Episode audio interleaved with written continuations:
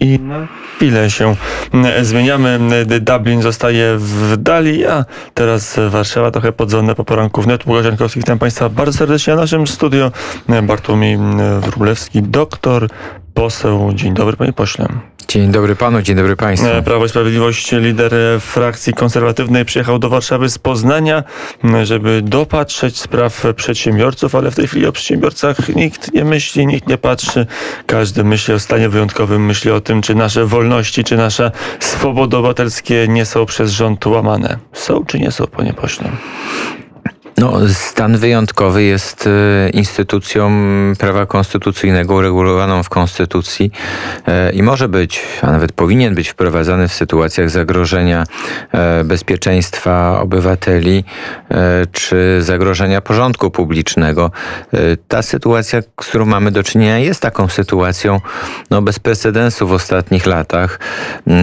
Widzieliśmy ostatnie tygodnie i to zamieszanie na granicy e, związane nie tylko, zresztą, nie tylko zresztą na granicy polsko-białoruskiej, ale także białorusko-litewskiej, białorusko-łotewskiej. E, no i kolejne grupy e, cudzoziemców, które są e, przepychane przez reżim Aleksandra Łukaszenki do Unii Europejskiej, bo nie chodzi przecież tutaj tylko e, ściśle rzecz biorąc o Polskę, ale w ogóle o Unię Europejską różnymi drogami. Dodatkowo widzieliśmy, byliśmy świadkami takich anarchizujących działań y, części opozycji.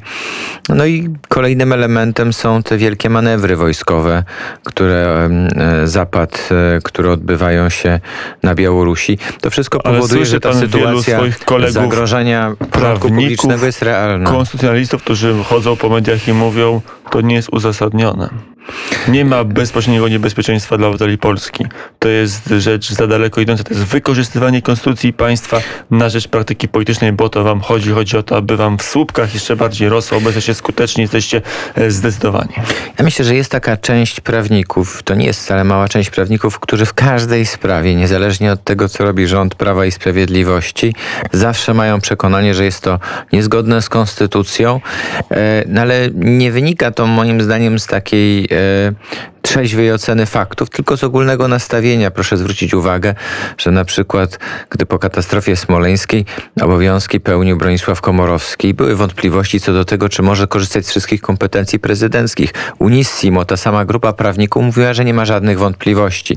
Tutaj natomiast nie tylko, nie tyle, nie tylko mówi, że mogą być wątpliwości, ale co, co więcej wprost wyraża takie przekonanie.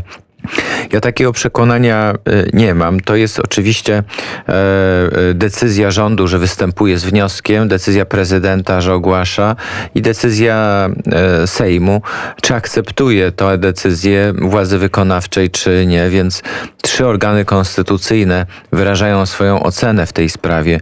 Czy mamy do sytuację zagrożenia porządku publicznego, czy mamy sytuację zagrożenia obywateli. Trzeba też pamiętać, że władza wykonawcza e, dysponuje zarówno tym, o czym wszyscy wiemy, ale może także dysponować wiedzą, której nie, e, nie mamy. I właśnie I, tym, o to co... mówi opozycja, że ona jest niedoinformowana. Dzisiaj w poranku wnet gościem był Andrzej Halicki, europoseł Platformy. On też mówi, że gdyby była większa dyskusja, komisje sejmowe, Rada Bezpieczeństwa Narodowego, wtedy e, opozycja by pewnie łatwiej się zgodziła na różne działania rządu, a tak nie wie na czym stoi. Ale proszę zwrócić uwagę, że to jednak jest coś innego, jeśli e, pan Halicki mówi, że on jest niedoinformowany, mm, e, a czymś innym jest, jeśli ktoś mówi wprost, to na pewno jest niekonstytucyjne, to jest niekonstytucyjne na twardo, mając ograniczoną wiedzę, bo to, to są takie reakcje niektórych prawników właściwie na zasadzie takiego odruchu bezwarunkowego. Działanie rządu PiSu na pewno jest niekonstytucyjne, a nawet jeśli jest konstytucyjne, to przynajmniej to powiedzmy po raz tysięczny. E, prowadzi to ostatecznie do inflacji E, inflacji, e, konstytucji, no, jakiegoś poczucia e, kultury prawnej, takie rytualne powtarzanie tych zarzutów. Mm, co do uwag pana posła Halickiego, no to myślę, że no, no, to są gremia, w których e, ta sprawa e, zapewne będzie dyskutowana w najbliższych dniach i tygodniach. Komisje sejmowe zajmujące się bezpieczeństwem. Ale, ale myślę, że nawet, ale, ale, myślę, że nawet bez tej bez jakiejś szczególnej wiedzy, no, widzimy, że no, stan wyjątkowy został wprowadzony na Łotwie, na Litwie, także Unia Europejska, na która Litwie jest... stan specjalny to jest trochę co innego, nie będę się kłócił, bo nie jestem ekspertem od konstytucji litewskiej, ale to jeszcze nie jest ten próg, ale jest na, na terenie całego kraju z kolei, więc jakby jest szerzej, szerzej terytorialnie, ale on nie, ja też... on nie ale... daje żadnych, e, żadnego przełożenia na swobodę obywatelską. Można się poruszać po całej Litwie, można po całej Litwie robić materiały, nagrywać i robić wywiady. Tak, ale e, także ultrakrytyczna wobec e, prawicy, nie tylko w Polsce, Komisja Europejska, instytucje europejskie w tej sprawie raczej e, wspierają nasz rząd. Bo ta sprawa jest e, sprawą e, poważną, nie właśnie nie tylko i może nawet nie przede wszystkim e, z punktu widzenia e, mm, Polski, ale całej Unii Europejskiej, więc ten wymiar jest dużo szerszy. I te okoliczności, te decyzje w innych krajach, myślę, że też powinny, są silnym argumentem e, na rzecz tego, że obiektywne zagrożenie porządku publicznego, bezpieczeństwa obywateli, że ono istnieje. No i że trzeba działać w sposób ponadstandardowy. To jeszcze e, jeden aspekt prawny w naszej rozmowie, zanim przejdziemy do polityki krajowej i do e, jej kuchni. E, poruszmy Unię Europejską. Pan poseł to mówił, że hiperkrytyczna wobec Polski Komisja Europejska popiera te działania, innych nie popiera. Pieniądze z Funduszu Odbudowy do Warszawy, do Polski nie przypłyną na razie. Nie wiadomo kiedy przypłyną. Nie ma decyzji, nie wiemy na czym stoimy, z czego to wynika, jakie będą konsekwencje prawne panie pośle? Ja myślę, że takie e, przeciąganie liny może jeszcze chwilę trwać, ale ostatecznie te środki zostaną uwolnione, bo byłaby to sytuacja bez e, precedensu. Polska płaci składki, e, terminowo płaci składki w Unii Europejskiej, wypełnia inne zobowiązania wynikające z Unii Europejskiej, na przykład te dotyczące szczelności granic, co jest dzisiaj priorytetem wielu rządów, bynajmniej nieprawicowych rządów w Europie, bo wszyscy zdają sobie sprawę, jakie były konsekwencje e, nieroztropnej polityki w latach 2014-15. Więc e, wstrzymywanie pieniędzy pod jakimkolwiek pozorem e, jest działaniem mm, bardzo kontrowersyjnym. Ostatecznie ono uderza w takie zaufanie między partnerami w Europie. Ono uderza w, w, no, w, samą ideę wspólnoty państw europejskich. Proszę zwrócić uwagę, że ten zarzut, że w Polsce dyskutuje się na temat tego, w jakim stopniu, jak należy rozumieć zasady nadrzędności prawa unijnego nad krajowym, e, e, że samo podejmowanie tej dyskusji e, budzi taki, tak,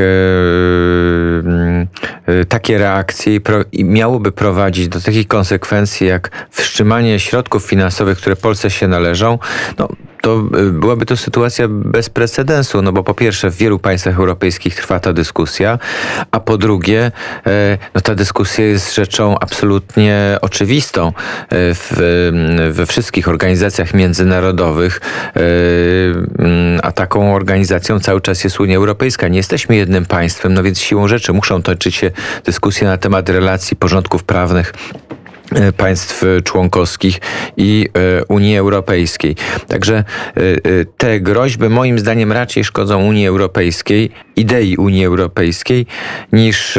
Może szkodzą idei w sposób intelektualny, w sposób polityczny, ale nam szkodzą w sposób wymierny.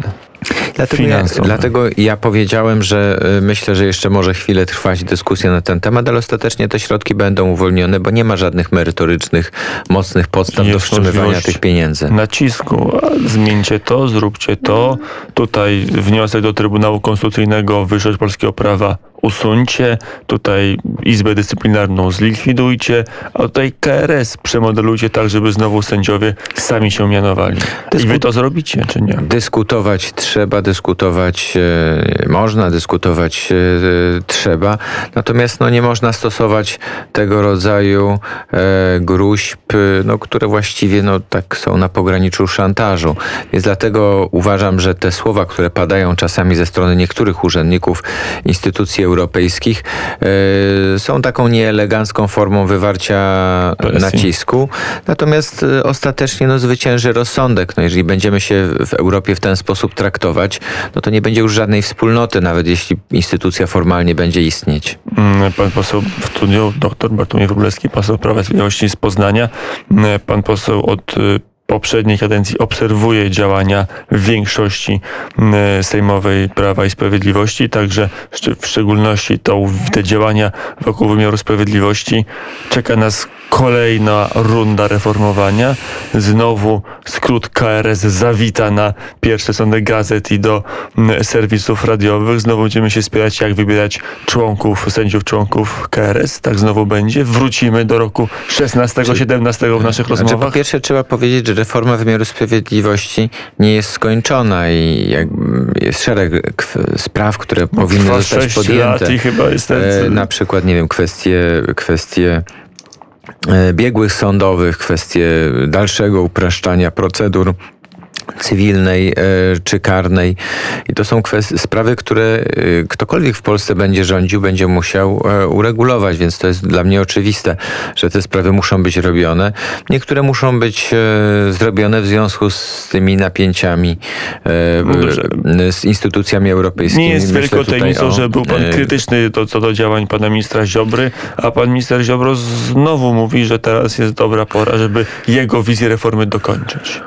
To I co pan znaczy, na to? to znaczy to, y, te, te słowa, którym pan e, relacjonuje moje stanowisko, one są e, takie bardzo mocno wyoszczone. Ja w niektórych sprawach miałem inne zdanie, ale to nie znaczy, że nie rozumiałem potrzeby, że trzeba reformować.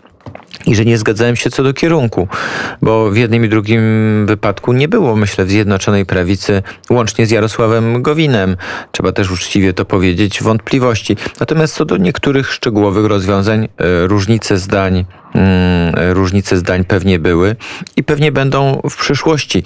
E, To nie oznacza jednak, że nie powinniśmy dalej e, prowadzić reform wymiaru sprawiedliwości. A jakie one będą? No, y, o niektórych panu powiedziałem, niektóre będą pewnie wymuszone mm, tymi napięciami z instytucjami Czyli e, KRS się znowu zmieni, znowu będziemy wszyscy się e, douczać i doszkalać z tego, jak funkcjonuje system sądownictwa w Polsce. Czy konstytucja stwarza szerokie możliwości regulowania wyboru e, członków sędziów e, Krajowej Rady I Sądownictwa? jakie byłyby optymalne? Ja też pan po- był i też- i prezydentem, też premierem chcę- i ministrem sprawiedliwości i w też- jednej osobie. I jak by to I wyglądało? też nie chcę przesądzać, czy w ogóle takie zmiany będą w stosunku do obecnego stanu prawnego. Natomiast ponieważ konstytucja nie determinuje sposobu tego wyboru, można sobie wyobrazić różne e, rozwiązania, takie, które w większym stopniu integrują, e, e, angażują obywateli. Można sobie wyobrazić takie rozwiązania, które są obecnie, że decyduje parlament, a można sobie też wyobrazić, że e, rozwiązania, które były wcześniej, e, które były niekorzystne moim zdaniem, kiedy tylko sędziowie wybierali swoich przedstawicieli do e, KRS-u. Ale zmiana w wreszcie- KRS-ie jest możliwa. A jest wreszcie też możliwość e, em, e, szukania jakiegoś rozwiązania, które łączy wszystkie te e, elementy, można powiedzieć nawet w najlepszej polskiej tradycji e, ustrojowej rządu e, mieszanego. Czyli szukania takich roz, rozwiązań, które będą miały charakter republikański, będą łączyć różne elementy społeczny, e, polityczny e, i korporacyjny. Mm, To panie pośle, jeszcze na koniec dwa zdania o polityce. Jarosław Gowin na dobre opuszcza koalicję rządzącą, już nie tylko e, formalnie, nie tylko faktycznie składając dymisję, ale chyba też już politycznie e, mówi o siebie, ja jestem przedstawicielem opozycji, ja jestem opozycją, to ja e, dam opozycji klucz do władzy, bo dam tych parę procent wyborców, których e, przeciągnę z PiSu do, do właśnie opozycji, jak pan to patrzy. Nie sądzę, by były jakieś procenty wyborców, które można y, przeciągnąć. E, żałuję też, że Jarosław Gowin odszedł ze Zjednoczonej Prawicy, że te drogi się rozeszły. A nie był troublemakerem? Nie Natomiast- był osobą, która powodowała tylko kłopoty? Natomiast w ostatnich tygodniach sytuacja była rzeczywiście już trudna do wytrzymania i te napięcie tutaj w tych relacjach wewnątrzkoalicyjnych narastało przez wiele miesięcy, więc dobrze, że być może zostało to jednak przecięte i każdy idzie A już swoją polityczną drogą. konserwatysta nie tęskni za tym krakowskim sznytem Jarosława Gowina spokojem, powagą? To znaczy, ja wyraziłem już właściwie przed chwilą obie te rzeczy. Z jednej strony mm, uważam, niedobrze się dzieje, kiedy Zjednoczona prawica, yy, ze Zjednoczonej Prawicy odchodzą politycy, którzy przyznają się do tego myślenia niepodległościowego, a z drugiej strony nie można było no, miesiącami ciągnąć tych niekończących się publicznych sporów. Pan Więc jest yy, nieformalnym, ale rzeczywistym liderem frakcji konserwatywnej w Prawie i Sprawiedliwości y, i z tej pozycji, jak pan obserwuje odejście Jarosława Gowina, to jest strata czy umocnienie Prawa i Sprawiedliwości? E, ja już y, po raz trzeci właściwie odpowiem na to pytanie. I Niedobrze się stało, że e, e, politycy niepodległościowi, którym bliskie są ogólnie rzecz biorąc tradycyjne wartości, odchodzą ze Zjednoczonej Prawicy. Ja jestem zwolennikiem Zjednoczonej Prawicy plus. Cieszę się z tego, że Paweł Kukiz, jego środowisko dołączyło.